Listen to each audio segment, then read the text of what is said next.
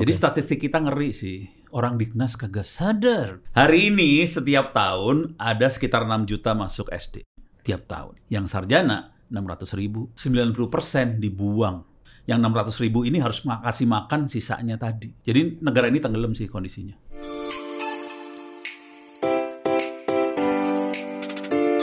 Baik, Pak Ano tadi banyak banget contoh dari AI dan itu tentunya membuka wawasan kita lebih ya terkait dengan peran AI sekarang yang lagi ya banyak dibahas di dijadikan sesuatu yang viral ya di AI. Nah, juga hal lain yang sangat seru dan juga jadi perhatian kita terutama di IT Hmm. itu terkait dengan cyber security Ya. ya. Dah AI peranannya di cyber security seperti apa, Pak Ono? Ini campuran dua ilmu ya. Ya, Yoi. Kita kan mengawinkan dua ilmu. Kita ngelihat kelucuan bangsa ini dulu ya. ya. Monggo, Pak. No. Google aja ya. Ini bukan nyebutin merek bukan. Mm-mm. Masukin kata IKTP ya. Pakai Google IKTP. Masukin gambar. Di gambar ya langsung dapatkan. Waduh. Keluar semuanya. Bayangkan kita punya seperti ini. Ya udah dibaca pakai AI dapat KTP-nya orang loh. Kita ganti IKTP, pakai kartu keluarga, sama aja lah keluarga. Udah dapat. Oke. Mau lebih gila lagi, gampang. Pakai kartu anggota misalnya. TNI lah lebih parah. Eh TNU lagi TNI. Mulai dapat Komplit. komplit. Jadi ini masalah besar. Jadi yang namanya data pribadi, ya gini cara bocornya. Pantesan ada satu kampung yang kena penipuan ojol itu ya. Gini, oh kadang-kadang teknik nipunya nggak sepinter ini loh. Oke. Ini kejadian, saya kebetulan tinggal nggak di menengah ke atas ya, menengah ke bawah. Saya tinggalnya di menengah ke bawah. Jadi tetangganya ada yang orang tukang cuci baju lah, apa segala macam. Udah gitu, ada orang nih dari ojol ngomongnya gini, eh mau pinjem, minta KTP-nya dong. Mhm. Nanti ki- saya urusin buat pinjam uangnya. Mhm. Kalau udah dapat duitnya, tolong ya 50% buat saya gitu. Apa nggak sakit hati saya dengernya coba. Mhm. Jadi bisa sebloon itu gitu sebenarnya Ya. tekniknya. Gitu. Oke. Oke, ini urusan ini ya. Iya. Sekarang eh, ini AI-nya udah mulai masuk nih. Hmm. Oke. Eh, apa hubungannya AI sama cyber security? Ya. Gitu ya. Cara yang cara berpikir paling paling sederhananya kayak gini. AI itu pinter buat ngelihat ngelihat data besar. Mhm. Masalah besar di cyber security adalah semua data-data di internet. Ini kalau kita lihat, ini semuanya dikunci nih ntar. Coba masuk ke web apa aja, pasti dikunci nih. Mhm. Maksudnya apa dikunci? Supaya orang nggak bisa nyadap. Jadi data dienkripsi. Bagus kan? Mhm. Akibatnya hackernya masuk ke jaringan yang terkunci tadi kan? Akibatnya mesin-mesin yang buat nganalisa serangan nggak bisa nganalisa sekarang. Karena hackernya masuk ke dunia ke dunia yang terkunci tadi. Jadi kalau ini nggak dikunci, kalau kuncinya nggak ada, eh, software buat nganalisa masih bisa lihat ini serangan, ini bukan, ini apa kelihatan Hmm. semua. Karena dikunci, softwarenya nggak bisa lihat nih sekarang kondisinya. Akibatnya sekarang kita mulai ngembangin AI buat deteksi serangan Oke. gitu. Dan kita butuh training data sih buat kayak gitu. Jadi training datanya bisa diambil kalau buat teman-teman yang pengen belajar ya. Ada di sini sih UNB eh, Cyber Security. Berarti sebenarnya perlu banget ya Pak tadi berkaitan dengan dengan profesi harus ada orang yang bisa memanfaatkan data ini gitu ya, bisa bacanya, bisa, iya. itu Jadi cara berpikirnya berarti gini kira-kira AI itu hanya bisa bekerja kalau kita kasih training, Hmm. kasih data ya. Eh, ini namanya serangan loh, ini bukan serangan. Baru dia bisa. Nah untuk itu kan kita butuh data, contoh data serangan itu seperti apa? Ini Mhm. salah satu, eh salah. ini, ini salah nih. Eh, New Brunswick itu apa? Iya, UNB, Kanada. Nah, cyber security. Iya ini cyber security. Oh ini dia Canadian Institute for Cyber Security. Yang tadi masuk ke ini Oh, Canadian Institute for Cyber Security. Di sini ada dataset. Ya. Ini kalau saya gedein, kelihatan ada dataset. Kalau klik dataset, nanti dia punya contoh-contoh serangan. Ini buat ngasih training si algoritma eh, AI tadi. AI tadi. Nah, Hmm. tapi ini perkawinan dua ilmu ya. Ada ilmu cybersecurity sama ilmu AI. AI. Yang masalahnya orang yang mainan di sini harus punya dua ilmu tadi dong. Ya. Ya. Cybersecurity AI. Sekarang saya kasih kenyataan hidup di Republik Indonesia. Yang It- paham cyber yang memberikan apa ya si AI itu untuk bisa belajar ya bahwa Iya. ini adalah eh, Serangan, ini, ancaman-ancaman. ya. oke. Jadi ini free. Ini kayak iklan tapi bukan iklan. Jadi kampus kita ngelepasin semua kuliahnya gratis di internet. Ini websitenya namanya opencourse.itts.ac.id, free gratis. Eh, kita bisa masuk kuliah-kuliah saya contohnya. Di sini ada ada kuliah cybersecurity, ada kuliah AI. Kebetulan dua-duanya ada nih ya. Kita Oke. lihat. Ki- Kita lihat kondisinya ya. Ini ada cybersecurity. Kalau AI saya nyebutnya data engineering.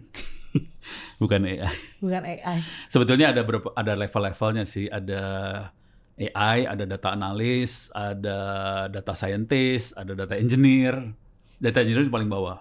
Tukang coding tuh data engineer namanya. Oke. Istilah. Buat audiens mungkin boleh disampaikan ya IT Pak Ono di ITTS. Di Institut Teknologi Tangerang Selatan di Iya. TTS eh, dosen, Dosen. cuman saya lagi dikerjain suruh jadi wakil rektor, walaupun saya nggak suka ya apa boleh buat lah. Nasib. Ini kita lihat eh, partisipannya ya. Ini partisipan cybersecurity kita akan lihat jumlah partisipannya 13.035 orang ya kelihatan Wow. di sini. Seneng Banyak ya. sekali. Eh, banyak sekali Follower. bangsa eh, bangsa ini yang pengen pinter Yang banyak. pengen belajar Oke, gitu ya. dan ini free. Nanti kalau dapat nilai 90 akan dapat sertifikat free. Oh. Oke. Ini free semua, jangan khawatir. Ini masuk data engineer eh, sama 13.000. Sekarang kita lihat di bagian bawah dari kuliah ini ada sertifikat nih. Saya masuk ke course-nya, saya turun paling bawah nih, paling bawah. Oke. Sertifikat bagi mereka yang nilainya di atas 90. Oke, 40% mah kalau masih ingat waktu kuliah ya. 40% UAS, 30% UTS, 30% kuis. Oke. Kehadiran ya? Eh, saya nggak peduli kehadi- kehadiran. Gue nggak peduli lu hadir ke nggak hadir, nggak peduli lah. Dan ini kuliahnya boleh dikerjakan berkali-kali. Eh kuliahnya sorry, ujiannya, boleh Ujiannya. dikerjakan berkali-kali, diambil nilai tertinggi. Tuh. Hmm. Jadi kalau misalnya jelek, ujian lagi, jelek, ujian lagi, ujian, jelek, ujian lagi. Oke, kita lihat yang cyber security dulu ya. Ini cyber security. Oke, bisa nebak dari 13.000 siapa yang kira, berapa orang kira-kira dapat nilai 90? Berapa persen dari 9 13.000 orang? 5 persen. 5 persen berarti 500 ya? 500 lebih lah. lah. Hmm. Setuju? Setuju. 500. Kita lihat dari 13.000 orang Wah. yang bisa dapat cuma 16 Waduh, waduh, Manusia. waduh, waduh, waduh, waduh. Dari 13 ribu, orang. 16. Itu ya. aktif semua tuh, 13 ribu, 13 ribu. eh jujur karena ini free ya. Mhm. Ini free. Sebagian orang cara berpikirnya gini, saya sudah daftar di kuliah cybersecurity-nya Ono. Gue udah pinter dong. Oke, Di bawah 0,1 persen. Iya, kasihan deh. waduh. Oke. Dan bangsa ini harus bisa survive dengan segini persentasenya. Iya. Dan saya udah sering kali ngadain tes-tes buat di Mabes lah, buat di mana segala macam, angkanya kayak gini semua. Hmm. Serem kita tuh. Nah, ini yang cybersecurity ya. Ya. Kan ini ada dua ilmu ya. Betul. Cybersecurity dan AI ya. Dan AI. Bisa nebak yang AI berapa orang kira-kira dari Kayaknya dari lebih kecil 13. lagi deh. Iya, harusnya Iya. lebih kecil ya, karena kan Iya. itu juga Iya. Tujuh orang deh. baru. Tujuh orang ya. Saya lima deh. Lima, oke. Saya cuma dua. Waduh. Ya ampun. Ah tadi pasti Pak, 7 kurang 5, 2 Oke. gitu. Oh, ada ada la- korela- korelasinya. Oke. Eh dan jujur nih orang-orang ini harganya mahal banget.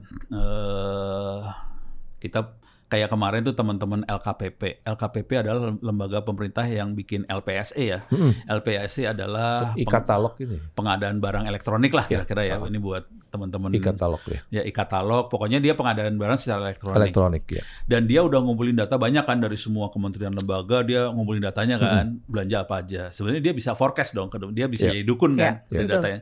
Kira-kira Republik ini akan belanja kayak gimana kan dia bisa lihat. Ya. Butuh orang yang ngerti data science dong buat Betul. kayak ginian. Nggak ada. Nggak dapet.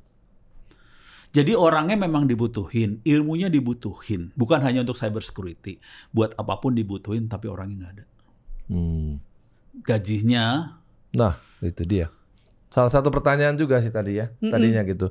Orang-orang nih yang punya keahlian di AI, di cyber nih berapa Oh, sih rate rate-nya? rate-nya. Aha, bisa lihat di Google sih sebenarnya. Oke. Cuman rate-nya kira-kira, ini gambaran global sih. Mm-mm. Yang AI lebih tinggi daripada cyber yang pasti. Hmm. Cyber tuh ya mungkin rate-rate bangsa belasan juta ya. Sebulan masih normal lah kali ya. Belasan sampai bisa sampai 20-an. Eh, keponakan gue juga. soalnya. Oke. Kalau anak gue udah gajinya di atas gue. Waduh. Dia di startup sih tapi. Oke. Jadi kadang-kadang saya sakit hati juga sialan. nah itu belum yang AI. Yang AI gajinya berapa pak? Dua kali yang lipat kali. Iya bisa sekitar 2-3 kali lipat. Oh, Cuman yang jagonya tuh sekitar 60-an sebulan. 60 Hmm. juta sebulan. Eh ya 60 perak sih. 60. Bohong 60 juta ya kali. 60 juta sebulan. Wow. Hmm. Cuman harus banyak latihan ya. Iya. Nah, kebetulan banget nih cerita aja sih. Eh kampus kita di TTS mis- eh, ini programnya Diknas. Bagus Diknas tuh bagus. Eh, menteri yang ini bagus sih sebenarnya. Oke. Jadi kebetulan eh nggak tahu negonya gimana nih caranya mereka. Mereka nego sama Google, sama AWS segala macam. Mhm. AWS tuh Amazon ya. Ya. Ya. Web service. Eh, jadi mereka kan punya banyak program sertifikasi-sertifikasi. Salah Hmm. satunya sertifikasinya adalah buat artificial intelligence ini, machine learning, data Mhm. science lah. Jadi mereka ngasih harga setengah harga nih si Google dan teman-temannya buat kampus. Hmm. Setengah harga. Masih mahal kan sebenarnya setengah Ya. harga. Sama Diknas dibayar setengahnya lagi. Jadi mahasiswa kita bisa nol rupiah. Wow. Very good. Mahasiswa saya total 4 sekarang udah ikutan. Hmm. Nah, besok Senin kita akan ada webinar buat ngasih tahu anak-anak yang lain. Silahkan ikut, tapi mereka akan seleksi ya. Yang terbaik baru, baru boleh ikut nih. Mhm. Jadi yang bagus-bagus ikut. Dan programnya dalam bahasa Inggris semua. Oke. Jadi sebenarnya pemerintah cukup oke lah dalam hal ini. Mensubsidi ya, sangat mendukung, Bukan hanya mensubsidi ya, mengenolkan. mengenolkan subsidi habis. Betul. Ini tinggal cara kita Ya. pinter-pinter ya, pinter-pinter untuk memanfaatkan itu tadi ya, Iya. yang udah dikasih pemerintah gitu. Jadi ini kesempatannya keren banget, gede banget, orangnya kagak ada, Peluangnya kompetis- besar. peluangnya besar, tidak ada kompetitor. Mm-mm. lu masuk dunia ini dicari orang banget eh, udah gitu ada kemudahan-kemudahan seperti itu tapi kompetisinya gila banget sih Ya, Kita- tempat juga terbatas. tempat terbatas Tenaga ahli pengajar sih cukup lah ya. Ah, salah dan yang Pak. Google enggak yang yang Google sih dari Google langsung, Dari Google langsung. bahasa Oh. Inggris Mm-mm. udah gitu Google kita kan kurang ajar ya kampus kita kan ada kurang ajar nego dong sama Google boleh nggak materi anda kita pakai di kampus oh boleh boleh boleh udah kita pakai Kreatif, Pak. iya. Bukan kurang ajar, kreatif. Oke. udah gitu kita freein juga sih Ya, ya, ya. Fair, fair, fair. Nanti coba deh saya buka Ya, namanya belajar-belajar. opencourse.its.ac.id. Bayarnya gampang. Tiap habis sholat, habis ini tolong doain supaya yang bikin eh, amal ibadahnya diterima. Amin. Amin. Cakep banget. Makanya salah satu orang bebas di Republik ini, Betul. Pak Ono Purbo. Sangat bermurah hati ya. Udah gitu yayasannya ngamuk ke gue. Kapan profitnya gitu? Kalimatnya Gak gitu banget. modal. gue bilang ntar lah di surga dulu. Seru banget, seru banget. Oke, oke. Itu tadi ya korelasinya banyak hal ya terkait dengan AI dan cyber tadi ya. Iya. kurang lebih. Iya. Oke. Dan ini adalah topik-topik penelitian S2 S3 rata-rata. Hmm. AI sama cyber itu penelitian S2 S3. Saya kebetulan habis ngebimbing anak S3 nih, Mhm. di UTM di di Malaysia. Dia tugas akhirnya ginian. Hmm. S3. Jadi udah mainan bukan sembarangan. Contoh sederhana lah, ransomware. Ya. Cara deteksinya gimana? Cara deteksinya. Ransomware. Tahu ransomware? Ah, iya, iya. Tahu. Kan itu virus yang dienkripsi masuk ke Hmm. komputer kita kan? Iya. Ini virus dienkripsi, bisa dideteksi nggak? Udah virus dienkripsi. Iya. Sulit dong. Sulit banget. Jadi cara deteksinya pakai AI. Hmm. Solusinya backup data. Jadi security-nya adalah data di backup. Hmm. Yang masalah kan orang pada ini ya, pada abai, Ya. pada nggak suka punya backup data kagak? Enggak. Nggak punya. Kadang-kadang habis chat hapus aja Iya. biar nggak lemot. ya kalau kalau hapus masih mending ya. Tapi kalau data pentingnya kagak di backup, pas masuk ransomware, ransomware ini akan mengenkripsi data kita. Dan data kita nggak bisa kita balikin lagi kalau udah dari enkripsi ini. Mhm. Nangis lo urusannya. Dan ini kalau virusnya masuk, antivirusnya nggak bisa deteksi juga.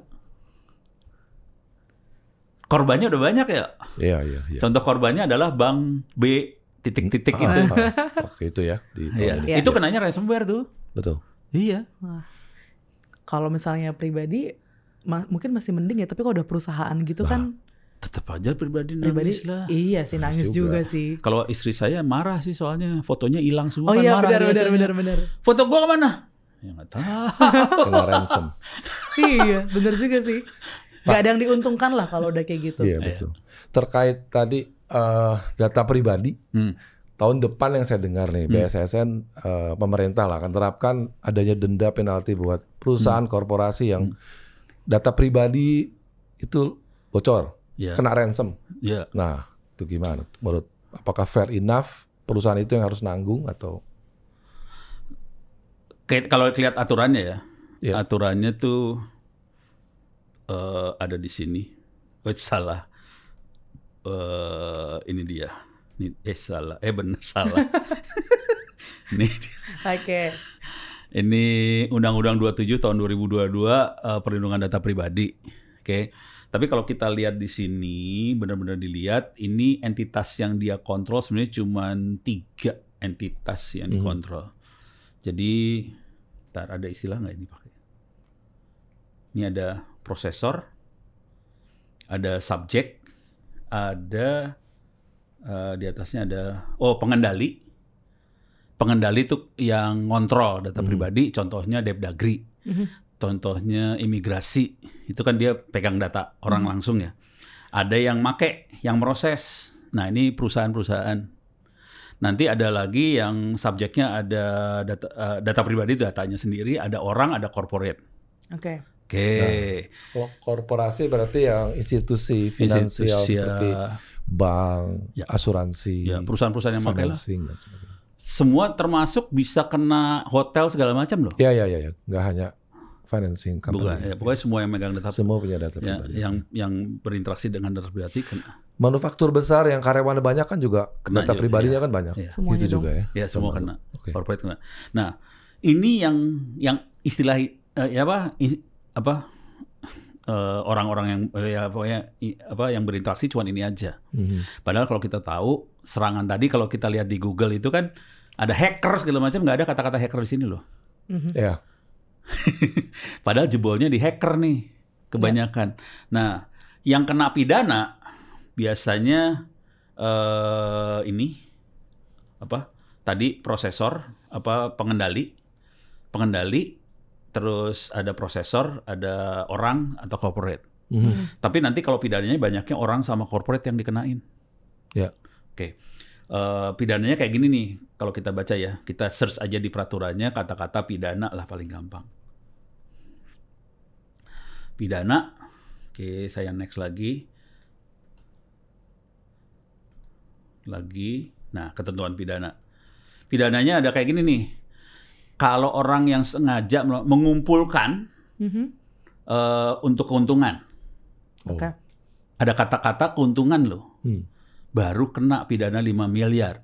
Kalau kita ngumpulin doang, nggak cari untung, nggak apa-apa.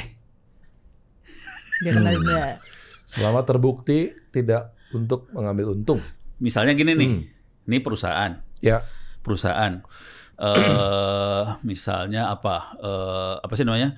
Misalnya pompa bensin lah, Hmm. kan suka, ini kan eh, saya pakai pompa bensin yang yang luar negeri itu ya, kan ada program buat Ya, apa itu ya, poin dan poin apa segala Iya. macam kan kita masukin KTP atau segala macam ya, nomor telepon sih sebenarnya. Mm-mm. dia punya data saya sih sebenarnya. Dari situ dia punya data saya. Tapi dia tidak jual data tadi. Dia untuk poin apa segala macam. Itu nggak apa-apa. Oke. Misalnya eh mall apa segala macam ngumpulin data kita, tapi cuman buat poin apa segala macam nggak apa-apa. Mm-mm. Beres ya. Selama tidak buat ngambil keuntungan buat dia. Yang Hmm. yang masalahnya adalah mengungkapkan data pribadi yang bukan miliknya. Kena nih urusannya. Mhm. Oke. Yang lain lagi adalah menggunakan data pribadi kena. Jadi misalnya kita pun dapetin KTP orang, Ya, terus kita pakai KTP ini buat pinjol. ya. Hmm. Nah, kena nih urusannya. Oke. Eh, yang lebih parah adalah yang memalsukan. 6 miliar lebih mahal. Oke. Oke. Nah, kalau kita perusahaan ngeri banget 10 kali lipat dari itu semua. Mhm. Itu masalahnya. Tapi yang hati-hati di sini, yang ngeri di sini adalah hacker nggak ada loh. Hmm. Jadi kalau kita seorang hacker, Belum ada ininya. jadi kita apa, yang clause-nya untuk iya, kita yang ngejebolin data pribadi tadi. Yang punyanya menjebol. pengontrol, kita yang ngejebolin, Ah. nggak ada di sini. Mhm. Hmm. Keren. Hmm. Eh bukan masalah kita sih. Iya, iya, iya. harusnya ada, harusnya Pak ya. Harusnya. Eh, bisa agak ada di undang-undang lain namanya informasi transaksi elektronik. Hmm. Itu ada mekanisme hacking. Iya. Tapi hacking general ya. Jadi ada sih sebenarnya. Cuman yang masalah di situ adalah barang bukti. Ini kan semua data ini elektronik, Ya. file komputer. Bayangkan file komputer itu gampang kita rubah dong. Gampang. Bayangin file komputer itu jadi barang bukti di pengadilan. Bagaimana hakim itu tahu bahwa itu file itu file, file dat- data yang benernya, Iya. kagak dirubah sama orang. Susah loh itu. Iya, iya. Nggak ada bukti ya secara bukan maksudnya bukti ada, Tapi tapi ba- bahwa itu adalah bukti yang benar, bukti yang Mhm. sah, bukti yang sahih ya, sah. Ya. Sa- yang tidak dirubah. Yang- diedit-edit gitu. Iya, lah yang namanya file komputer kenapa Bisa diedit. Bisa diedit. Hmm. Gimana cara meyakinkan bahwa ini barang tidak diedit? Ada nggak teknologi ya? Belum Ada. ada. Hmm. Kalau kita lihat di Undang-Undang Transaksi Elektronik, kita mengenalkan namanya tanda tangan digital Oke. segala macam. Jadi kalau itu barang buktinya pakai tanda tangan digital, jadi sah. Jadi sah. Yang jadi masalah kan barang buktinya bukan kayak gitu. Iya. Barang buktinya misalnya lock, Lock. lock catatan di komputer. Emang catatan di komputer ada tanda tangan digitalnya kan kagak ada. Nggak ada. Benar-benar. Itu ya jadi kendalanya how untuk menuntut hacker salah satunya itu juga ya. Iya. Salah satunya. Tapi saya pernah jadi ini sih, Oke. jadi saksi ahli. ya udah, kebaksa saksi ahli disumpah. Iya. Jadi teknik pembuktiannya adalah si saksi ahli disumpah. Disumpah. Anda bersumpah ya, Bener ya. gitu. ya bener ya. Pokoknya nanti dosanya di lo, gitu ngomongnya. Ya udah nasib. Jadi tekniknya Oke. nyumpah sih sebenarnya. Oke. Tapi waktu itu kemudian bukan kayak ginian ya. Waktu itu masalah ini sih dokumen. Mm. Dokumen ini dokumen yang bikin siapa? Iya. Mhm. Kebetulan dokumen ada metadata nih. Hmm. Kan ada metadata di do- dokumen doc tuh pasti ada metadata ya. Dibikin sama user mana, komputer mana kelihatan sih sebenarnya. Oke. Jadi kalau orang malsuin dokumen, ketahuan. Ketahuan. Bahaya juga. Anda ngomong sama setengah hacker. Hackernya hacker ethical hacker ya. Iya. hacker Ethical putih. Hacker, hacker putih. Hacker tuh sebenarnya kan ada yang putih ada yang hitam ya. Bisa Iya. gitu di. Bukannya hacker tuh selalu jahat sebenarnya kan gitu Pak. Betul ya? Iya, Tergantung ahlak lah. Gantung akhlak. Tergantung Kalau gue kan orang baik banget. Iya. Waduh. Oke Pak, ini kan terkait dengan peraturan pemerintah ya. Ya. Yang saya dengar mungkin minggu lalu sih saya hadir satu event ada BSSN di situ menyampaikan memang akan ada aturan baru. Tapi ini kita cek bareng lah ya Ya. nanti bahwa di tahun depan ya berlaku itu buat satu perusahaan korporasi yang lalai menjaga data pribadi yang banyak itu kena hack, kena ransom Mhm. dia didenda gitu. Iya. Dan yang dengar lumayan 5% dari revenue tahun sebelumnya gitu. Ya. lumayan gitu. Ya itu Kalau secara hukum harus dia Ah. harus harus menginduk pada undang-undang yang ada Ya. sih. Iya. Jangan sampai konflik itu aja Iya. sih. selama itu juga tentunya bisa terbukti bahwa memang korporasi tersebut lalai lah Iya. gitu. Iya. Enggak, Buat kami bukan di yang- masalah Hmm. lalainya. Saya ke arah 5 persennya sih. Iya, iya. Kan undang-undangnya kayak gini nih. Hmm. Iya. Iya, iya, iya. Kita cek bareng lah di Kita tunggu Tapi intinya depan. gini lah. Ya teman-teman perusahaan segala macam, tolong pastikan keamanannya Betul. bagus itu aja.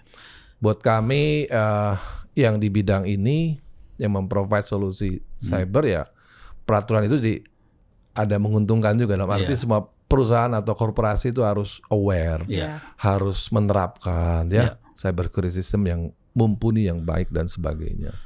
Selain teknologinya, Pak, ada aspek lain yang penting juga. Eh, jadi Hmm.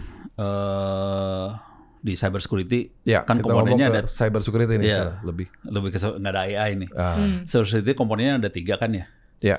People, process, technology. Nah, Sering kali, tapi bukan hanya perusahaan sih, kebanyakan bos-bos pimpinan pimpinan tuh mikirnya teknologi semua. Iya. Ya. Saya udah punya anggaran, saya alokasin buat beli firewall, harusnya masalah selesai dong. ya Ya kagak. ada P tadi tuh ya. Iya. Eh, PPT, People Process Technology Oke. sih sebenarnya. Hmm. Jadi selain teknologi dia harus ngurusin prosedur, aturan segala macam sama manusia. Ya. Nah, kondisi manusianya tadi dari 13.000 cuman 16 orang 16 yang orang. lulus. Mhm. Saya kemarin juga banyak ngetes di Mabes segala macam, ya gitu kondisinya dah. Iya. Jadi kita harus minterin orang sih. Betul. Kesalahan bukan ada di pimpinan, kesalahan ada di dosen. Waduh. Ya dosennya pada Artinya eh, pengguna ya kita ini, kita ini juga harus paham, sadar terkait dengan cyber security ini, keamanan. Ya. Jadi cara kita pakai laptop kita, cara kita pakai password kita. Oh ya. Boleh bilang kita sering nggak melakukan penggantian password kan nggak juga ya, Mm-mm. gitu kan? Kalau Kadang- mau iseng, ini di sini di Hmm. open course ini ada namanya eh, internet safety. Jadi kalau kita lihat my course ini, itu ada internet safety. Hmm. Di situ eh, lebih ke arah end user. Mhm. Hmm. Ini ada di bawah sih. Bentar. Saya turunin bawah dikit ya. Ini ada internet safety. Ini buat user. Ya. Jadi tolong ini free. Jadi kalau mau perusahaan-perusahaan, institusi apa segala macam, tolong pegawainya orang-orang di sana suruh ngerjain ini bisa lulus apa kagak. Mhm. Ini kan misalnya perilaku perilaku aman di dunia online, kecanduan konten negatif, keamanan password, keamanan email, semuanya ada, di sini semua dan ya. ada Oke. di tes. Sip. Kalau kemarin Bank Indonesia nih BI kurang ajar dia. Dia ngomong saya, "No, minta soalnya dong." Saya kasih. Nih, gratis. Kasih soalnya. Udah gitu BI kerjanya gini nih. Pas tiap kali orang login dikasih soal dulu. Kerja nih soal satu soal doang. Hmm. Kalau udah Oh. kalau udah eh, dikerjain baru bisa login. Ya. Akibatnya BI dapat peta. Jawab. Oh, peta, Peta dari karyawannya karyawannya. nguasain nggak Ah, oke. security ini. Yup. Gitu. Kalau nggak nguasain, kan dia bisa deteksi nih. Mm-mm. Oh, siapa yang yang ngaco gitu ya. Ya. Mulai di training tuh orang. Oh. Simpel juga ya. Simple Cara yang, yang kalau Caranya mau untuk gitu. tahu gitu. iya, kalau Setiap mau login dikasih soal Iya. satu. Ya itu way out salah satu way out ya. Iya. Jangan keluar Jadi langsung mereka aware Mm. dan mereka nambahin soal-soal mereka sendiri juga Oke. sih. Iya.